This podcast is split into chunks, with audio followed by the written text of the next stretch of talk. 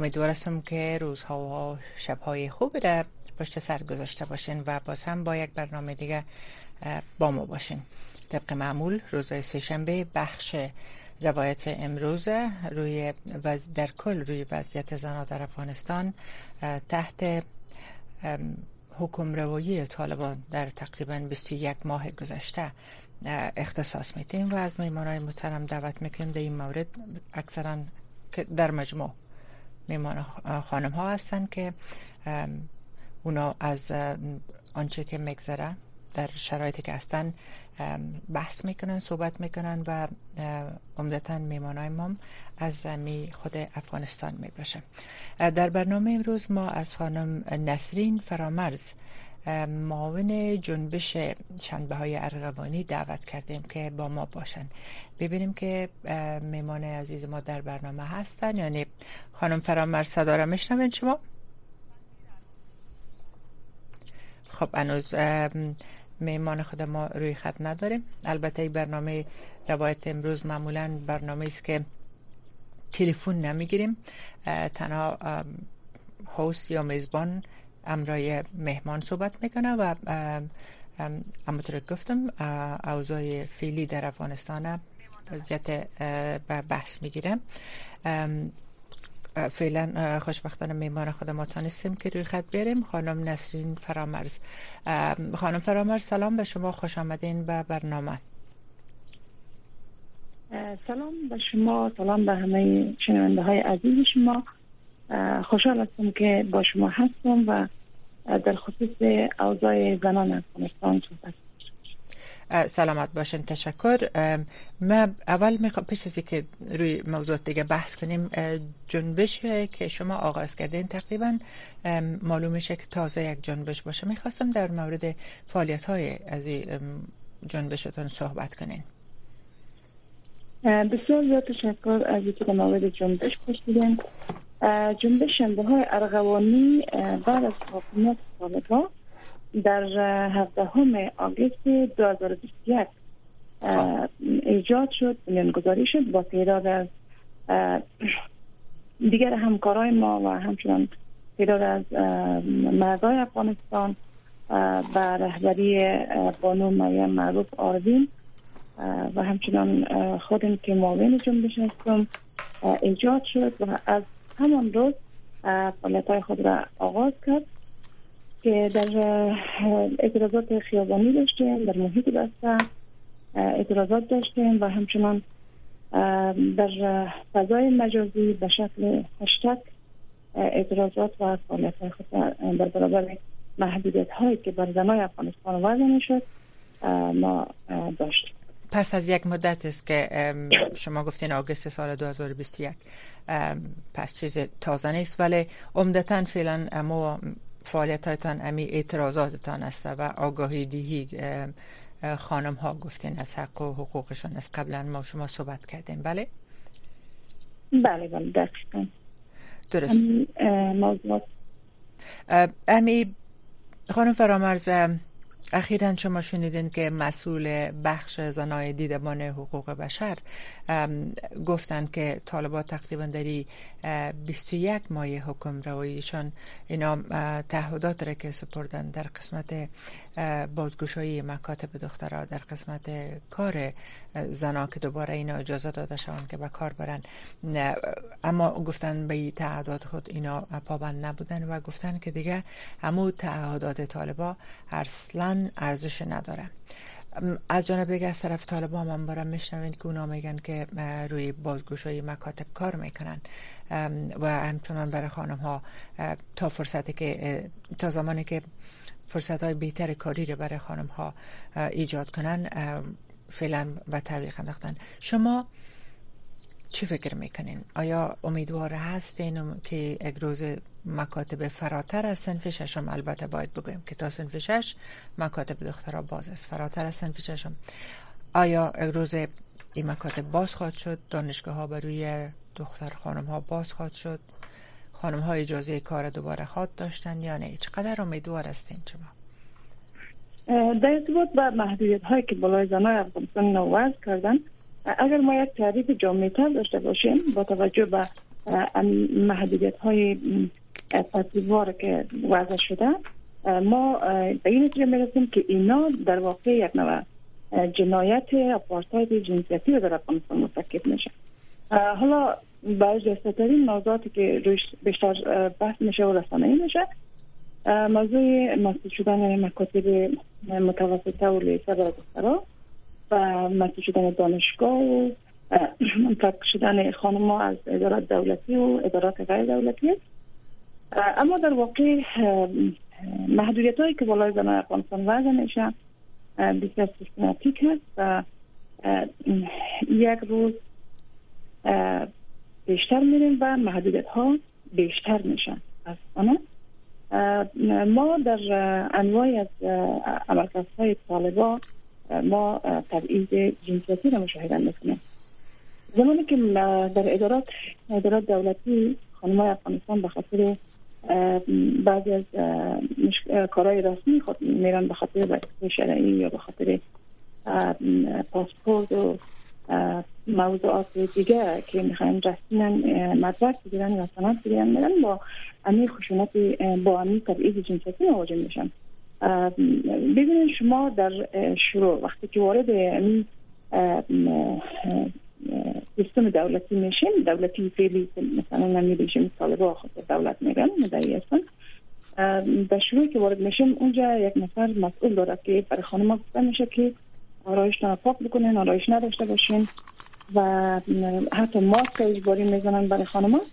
و لباسایتان باید مطابق مشوار معاشات طالبات باشه به هر حال یک نمونه از این موضوع است و در کل به این شکل خانمایی که اجازه سفر ندارن خانمایی که بسنایی خانمایی که اجازه ندارن که هیچ فعالیت را از خود نشان بده در جامعه حضور پیدا بکنه وقتی که این محدودیت ها را کنار هم بگذاریم ما به امو جنایت های جنسیتی می‌رسیم که واقعا این چیز است که ما نمی‌تونیم از این کار بکنیم. و از طرف دیگه ما می‌بینیم که جامعه جهانی و نهادهای مدافع حقوق بشر معمولا به صدور محکومیت ها و نشست های مطبوعاتی و اعلامی ها و قطعنامه هایی که قسمان می‌تونم بگویم نسبتا نمایشی از اینا اتفاق می‌کنه. و با این وضعیت به نظر من هیچ امکان نداره که ما تغییر در وضعیت زنای افغانستان شاهد باشیم. خانم فرامرز بجه ببخشن که حقوق آزادی های زنای افغانستان را اینا رعایت خواهد کردن و حقوق اساسی شهروندای افغانستان را اینا در نظر خواهد گرفت. به نظر من اینا می‌تونه تصوری با یک خیال باشه و در عمل تا زمانی که حقوق نخواهد یافت که این قطعنامه هایی که از طرف نهادهای حقوق بشر و جامعه جهانی صادر میشه اینا بره به طرف گام های خانم فرامرز شما گفتین که اگر خانما مثلا به دفاتر رسمی می‌خواین بر مثلا به دفتر پاسپورت میرن که پاسپورت خود بگیرن. بر از اون اول گفتم میشه که آرایش هایتان پاک کنین گفتین و گفتین که برشان گفتم میشه که ماسک بپوشین. یعنی پد کنن روی خودم تا شما آیا خودتان یا کسایی از اقارب نزدیکتان به چنین چیز مواجه شدین یا شنیدین که یک چیز هست؟ من خودم شخصا می‌خواستم یک وسیقه بگیرم وسیقه که فعلا وسیقه شرعی نگذاشت زمان که در مراحل می‌کردم من مدارس که البته جمله تایید نمبر تذکیره و این مسائل بود. در شروع وقتی که می‌خواستم وارد شم بخش مسئولین یک خانم اونجا نشسته بود. و از من خواستم که آرایش های پاک بکنم. و همچنان ماسک تنها من نبودم اونجا خانم های دیگه هم بودن. اونا را یک خانم می‌گفت ما فقط امروز یکی دیگه آمدیم. من نمی‌خوام داخل بروم. بنابراین ما آرایش خود پاک نمی‌کنم. اون نفر اجازه ندادن تو وارد شم و کسایی که کارشان بند هستن و مجبور هستن که برن خب فرمایشات اونا رو سر خود تطبیق می‌کنن. از جمله خودم. بله. شما همچنان سر از این مسئله وضع محدودیت ها و وسایل قطعنامه و اینا اشاره کردن اما پیش از که به این به تفصیل صحبت کنیم من می‌خواستم میره بفهم که چرا فکر می‌کنین که طالبا چون این برخورد با خانم ها دارم. البته تبصرهایی میشه که خب اینا اصلا به حق و حقوق زن معتقد نیستن باور ندارن. زنها فقط دونم تا سنف شش که مکتب دختران می‌خوانن با دو باید در خانه باشن و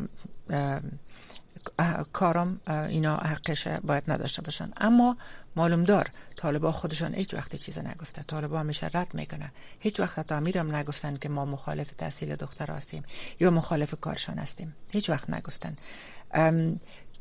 پس شما چرا فکر می‌کنین که طالبان فعلا امید در حال حاضر که 21 ماه مگذره چرا مکاتب باز نکردن؟ برداشت خود شما و همقطران شما چی است؟ بله اینا معمولا ادعا کردن که ما با تعلیم دخترها یا تحصیل دخترها ما مشکل نداریم. ولی در عمل چیز دیگه است.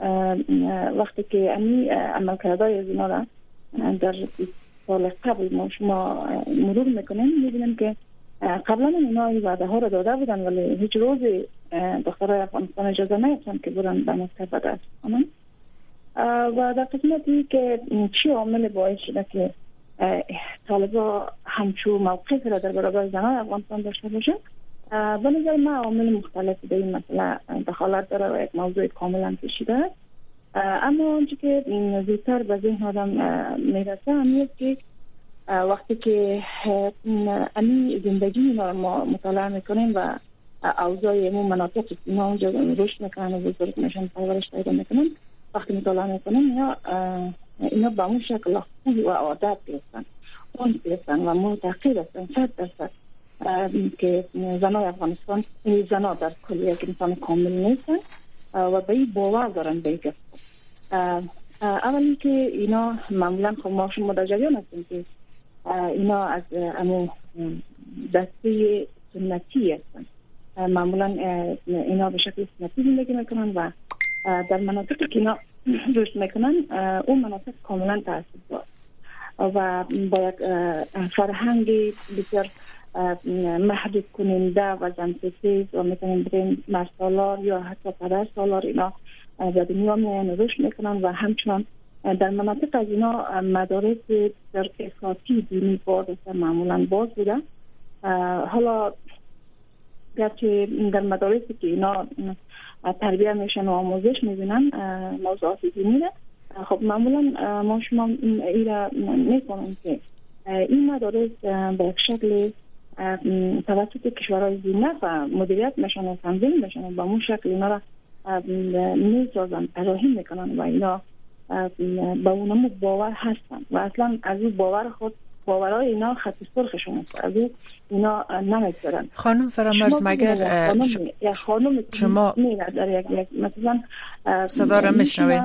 از دوستای ما صحبت کردم که ما می‌خواستیم یک نکاح بگیریم. بله. بعد میگه از ما ما را بردن قاضی طالبا مرا گفت ماسک تا پایان کن. میگه برای من گفت ماسک تا پایان کن. بعد از اینکه من ماسک پایان کردم سعی کرد با دوباره گفت ماسک ببینید شما به نظر اونا زن یک, یک موجود کاملا مطیع باید باشه. یک موجود باید باشه که در اختیار در, در, در کنترل مرد باشه. یعنی یک صلاحیت یک انتخابی حتی در پوشیدن یک ماسک نداره اما طالبا شما ممکن است که همیش ایرام شنیدین ممکن است که بار بار شما شنیده باشین که طالبا میگن که به اساس حقوق زنا در افغانستان اساس شریعت اسلامی برشان داده شده.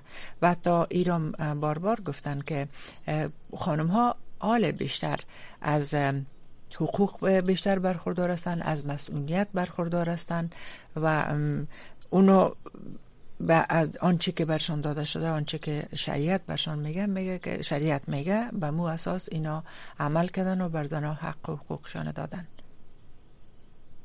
این کاملا من موافق هستم. اینا بار بار ادعا کردن و در, مجالس بین المللی ادعا می‌کنن که حتی گزارش میده به نهادهای بشر و نهادهای مربوط به سازمان ملل متحد است. ما نمیفهم حقوق اسلامی زنان را برشان رعایت کردیم.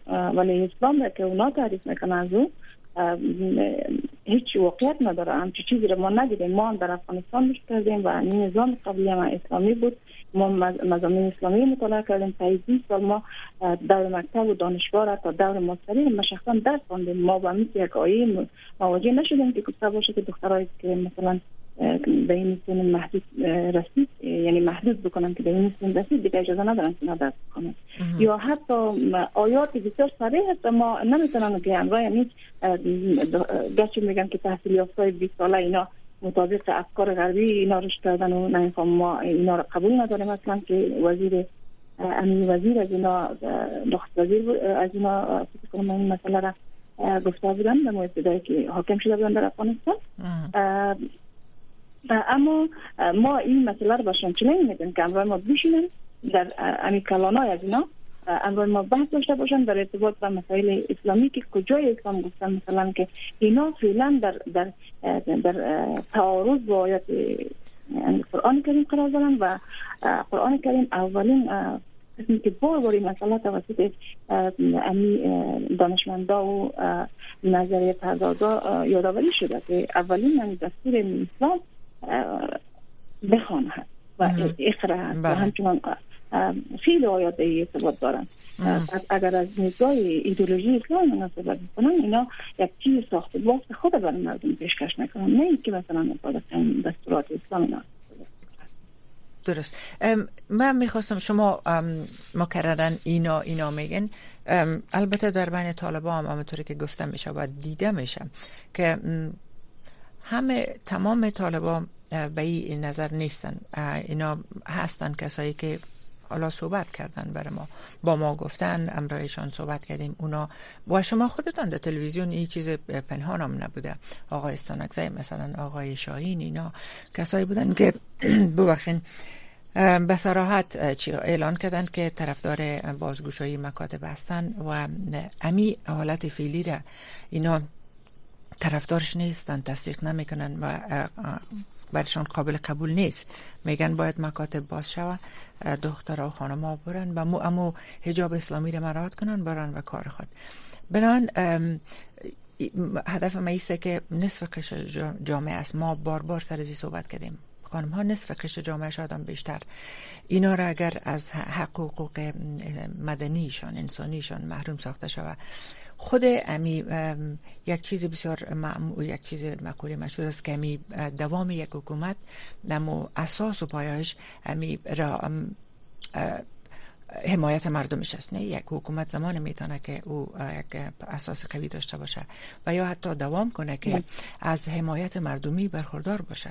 وقتی که نصف قش جامعه کنار زده شود یا حق حقوقشان از بهشان گرفته شود نه تنها حکومت طالبان هر حکومت دیگه ده هر کشور دیگه هم که باشه ممکن است که نتونه یعنی تا دیر زمان ادامه پیدا کنه. به همین لحاظ دیده میشه و بسیار امتر گفتم بسیار کسایی هستند در جمع خود طالبا که گفتن طرفدار ازی هستند که مکاتب باز شوه باید. تنها در سطح رهبری ممکن معلوم دار تصمیم گیر سطح رهبری می باشه آیا شما ایره درک کردین که چرا سطح رهبری امی مسائل توجه می‌کنه برش؟ درک کدم مسائل که یا, یا فکر می‌کنن که تا با آخر می‌تونن که نمی نصف قشر جامعه را خاموش نگاه کنن. من فکر می‌کنم که این موضوعی که اینا دو دسته میشن و ادعا میشه که اینا دو دسته هستن یک دسته اینا طرفدار تحصیل دخترها هست و یک داشتن نیستن. من اصلا به این موضوع باور ندارم. به خاطر که اینا مذکوره های اینا رو وقتی که ما شما می‌خوانیم اینا به یک شکل زن من حیث یک, انسان کامل قبول ندارن اینا زن یک وسیله راحتی خود فکر می‌کنم. اما ببخشین خانم فرامرز با معذرت ببخشین. امی چیز گفتیم کسایی که نام گرفتم براتون یک تعداد زیاده که اینا گفتن مخالفت نشان دادن خودشان دختراشان مکتب میره. از دختراشان مکتب میره و کار می‌کنه اینا. بنان نمیشه که داره که شما گفتین خب این نظر شماست که میگن مخالف آنچه که یا میگن مخالف هستین به باور نیستین به دوز دستگی از اینا باورمند نیستین. ولی اون نمونایی که نشان دادن که مخالفه مسدود باندن مکاتب دختر هستن دخترای خودشون مکتب میرن. گرچه بله این موضوع هم اما ما البته این برداشت شخصی ما بله. ممکن است که ما دقیق صحبت نکنم ولی من فکر می‌کنم که اینا به یک شکلی از موضوع تحصیل و عدم تحصیل دختر خانم در افغانستان یا محرومیت زنای افغانستان به یک شکل امتیازگیری می‌کنن یک موضوع. و موضوع دیگه اینا ادعای دیگه دارن که همیشه در افغانستان حاکم باشن مثلا موضوع دختر خانم بله. خیلی موضوعات دیگه در سیاسی مطرح میشه که اینا می‌خوان همیشه در اولویت باشن. و در یک کتگوری اینا سنتگراهای هستن که معمولا علیه دیدگاه های دموکرات بودن. و اگر چه ایره می‌فهمند ایره همچنان اینا درک کردن کسایی که تحصیل می‌کنن و شور هستن می‌تونن مدیریت یک کشور به دست بگیرن. و دقیقا وقتی که نمی‌خواین که در افغانستان امی خصوصا دخترها دختر خانم زمانی که اینا تحصیل بکنن اشار آگاه شون فامیلای از اینا اشار آگاه میشه و حتی مردای اینا باید میشه که اینا به درس خواندن و تحصیل تشویق بکنن. و همچنان از یک موضوع دیگه اینا حراس دارن. خاطر که میگن ما معمولا در مناطق که خودشان برای خود جنگ زده ساخته بودن و مکاتب و دانشگاه های خود را خودشان با آتش کشیده بودن و تمام ساختارها و زیر ساختارها را اینا از بین برده بودن باعث شده که امین خود قبیله اینا از دست تحصیل محروم باشن و اینا پسمان شدن و وقتی که می‌بینن که دیگه ولایت ها دیگه قسمت افغانستان مردم به تحصیل به هر شکل ادامه داده کشته شدن و زخمی شدن و حتی اختطاف شدن به اینا به عهده گرفتن و رفتن تحصیل کردن و خیلی قربانی هم در را دادن اینا خب می‌خوان که معمولا. خب اینا کسایی هستن که خانم دخترها و اینا فامیلایشون تشریح اینا در خارج از افغانستان هستن. اونا به بالاترین دانشگاه ها و مکاتب بین المللی که با معیارهای بسیار بالای اینا ایجاد شده و پیشرفت می‌کنه در اونجا رفتن و همین فامیلای خود در اونجا بودن که درس بخونن البته دختر خانمای خود و همچنان دیگه اعضای خانوادهش بچه‌هاش یعنی یک شکلی تا جای را در بیرون از افغانستان فکرشون باز شده و یک فکر دیگه که اینا دارن اینا می‌خواین از این جهالت مردم افغانستان که اینا در جهل نگه داری می‌کنن اینا سود ببرن و خودشان در دست باشن. بدون شک هر قشتی که یا هر گروهی که آگاه و توانا باشه اینا نمی‌تونن کنار در کنترل خود دیر مدت نگاه بکنن. و دقیقا اینا می‌خوان یک شکل دیگر را از جهل تاریکی نگهداری بکنن و خودشان معمولا در از یک طرف دیگه همچنان اینا یک ویژگی تروریستی را همچنان به خود دارن که این خاصیت خود اینا حفظ می‌کنن اینا در, در صورتی که به یک دولت بسیار معتدل و یک دولت دموکرات مبدل شوند دیگه ویژگی طالبانی و ویژگی تروریست بودن خود را از دست میتن باز دیگر نمی‌تونن که منافع خود را در افغانستان را به یک چرا تامین بکنن ما به این باور هستیم مثلا اوضاع در افغانستان به شدت یک قسم است که مدارس دینی رشد کرده و دخترها را به یک شکل در مکاتب می‌زنن دخترهای بله. که در سینین مختلف قرار دارن شما خانم فرامرز می‌خواستم که ایره بگیرم. البته بازم همونطور که میگم وقتی شما با سخنگوهای طالبا صحبت می‌کنین اونا این مسائل رد می‌کنن. حتی ایره میگن خانم ها میال کارم می‌کنن. تنها مسئله مکاتب و دانشگاه ها را میگن که اینا منتظر هستن که تا که آماده شود هر آنچه که اینا خودشان در نظرشان است. دکترها و نرسا را مثال میتن مثلا حتی در مطبوعات در تلویزیون ها رادیو ها میگه برین ببینین خانم ها هستن دکترها کار می‌کنن. وزارت داخله را مثال میتن برحال ما می‌خواستم از شما بپرسم که شما فعلا کار می‌کنین وظیفه خود دارین یا نه؟ واقعا هم که من خودم قبلا در دانشگاه تدریس می‌کردم. از دانشگاه های خب خب. و همونجا چون من رشته من حقوق جزا هست اونجا تدریس می‌کردیم از جرایم بین المللی از این مسائل صحبت کردیم مثالای را آوردیم. ولی دقیق نمی‌فهمم که چگونه این موضوع شده بود. چندین بار تلفن ما تماس آمد به شکلی نه که مرا تهدید کرده باشه. اما خب به زبان صحبت می‌کرد که من تشخیص دادم که از این طالبا و بعد از دیگه شماره ها تماس می‌گرفتن و یک بار دقیقا صدای خود را به صدای یک زن تبدیل کردم که من متوجه شدم و یک بار یک تیفل را یک دختر خانمی که نفهم نام خود را نفهم انا گفت یا زرغونه گفت همیشه که با پشتو صحبت کرد. من پشتو را می‌فهمم ولی دقیق صحبت کردن نمی‌تونم. بله. به می‌گفت که من یعنی هستم و شما در کجا هستیم موقعیت شما در کجاست؟ به یک شکل می‌خواد من مصروف بکنم تا یک موقعیت من تشخیص داده بشه. البته این برداشت من. دیگه من موضوع را در کردم. دستتان تلفن مرا خاموش کردم شماره را و اطلاق کردم. شماره را بخی دیگه ما کشیدم خاموش کردم. و دو بار به جاده دانشگاه ما تحقیق شد. البته ما تشخیص ندادم که یکی بود. یا طلا داشت نداشت. فقط دو فردی بود که خود را پیش کرده بود. پتو و تحقیق ما میامد دیر جایی که ما آمدم دیدم که ما تحقیق می‌کنم و به این ترتیب وقتی دانشگاه هم رفتیم اوضاع خیلی این در شروع طلب آمده بود اوضاع خیلی مناسب نبود. و مسئولین دانشگاه برای ما گفتن که استاد بسیار ممزد می‌خواین یعنی فعلا می‌خواین که شما دانشگاه حضور نیابین به خاطر که باز برای شما هم جنجال میشه و برای ما هم جنجال میشه. از طرف اینا ما داخل دانشگاه نمی‌تونیم پیچه یعنی بعد که ما خانه آمدم من این مسئله رو با فامیل جاری کردم و فامیل ما برای دیگه اش نمیرن مثلا بیکار زنده در خانه. ولی درس آنلاین دارم. در دانشگاه آنلاین میزم درس آنلاین می‌تونم به شکل رایگان برای دخترایی که از دانشگاه دست محروم هستم درست. فرصت بسیار کم ماندم. یه آخرین سوال از دان می‌پرسم که شما آینده دخترها و زنای افغانستان تحت زمامداری طالبان چه قسم می‌بینین؟ قسمی که ما اوضاع در افغانستان بررسی می‌کنیم مثلا شما شاهد بودیم که در یکی از ولایت افغانستان شخصیت دختر خانم از مدارس دینی اینا فرق شده بودن و سر و وضع اونا را که شما می‌دیدیم با لباس های فسید و کل پوشیده و فقط بله. چشمشان دیدن نمیشته حتی مکای سیاه زده بودن که آدم واقعا وحشت می‌کنه وقتی می‌بینه و در کوچه و اطراف جایی که ما سکونت داریم همچنان همین وضعیت حاکم است. شما وقتی به این مورد فکر می‌کنید یا مثلا ما وقتی میشونم پیش خود فکر می‌کنم میگم که هدف اینا چیه مدارس دینی در افغانستان رشد کرده در سراسر افغانستان خصوصا در ولایات.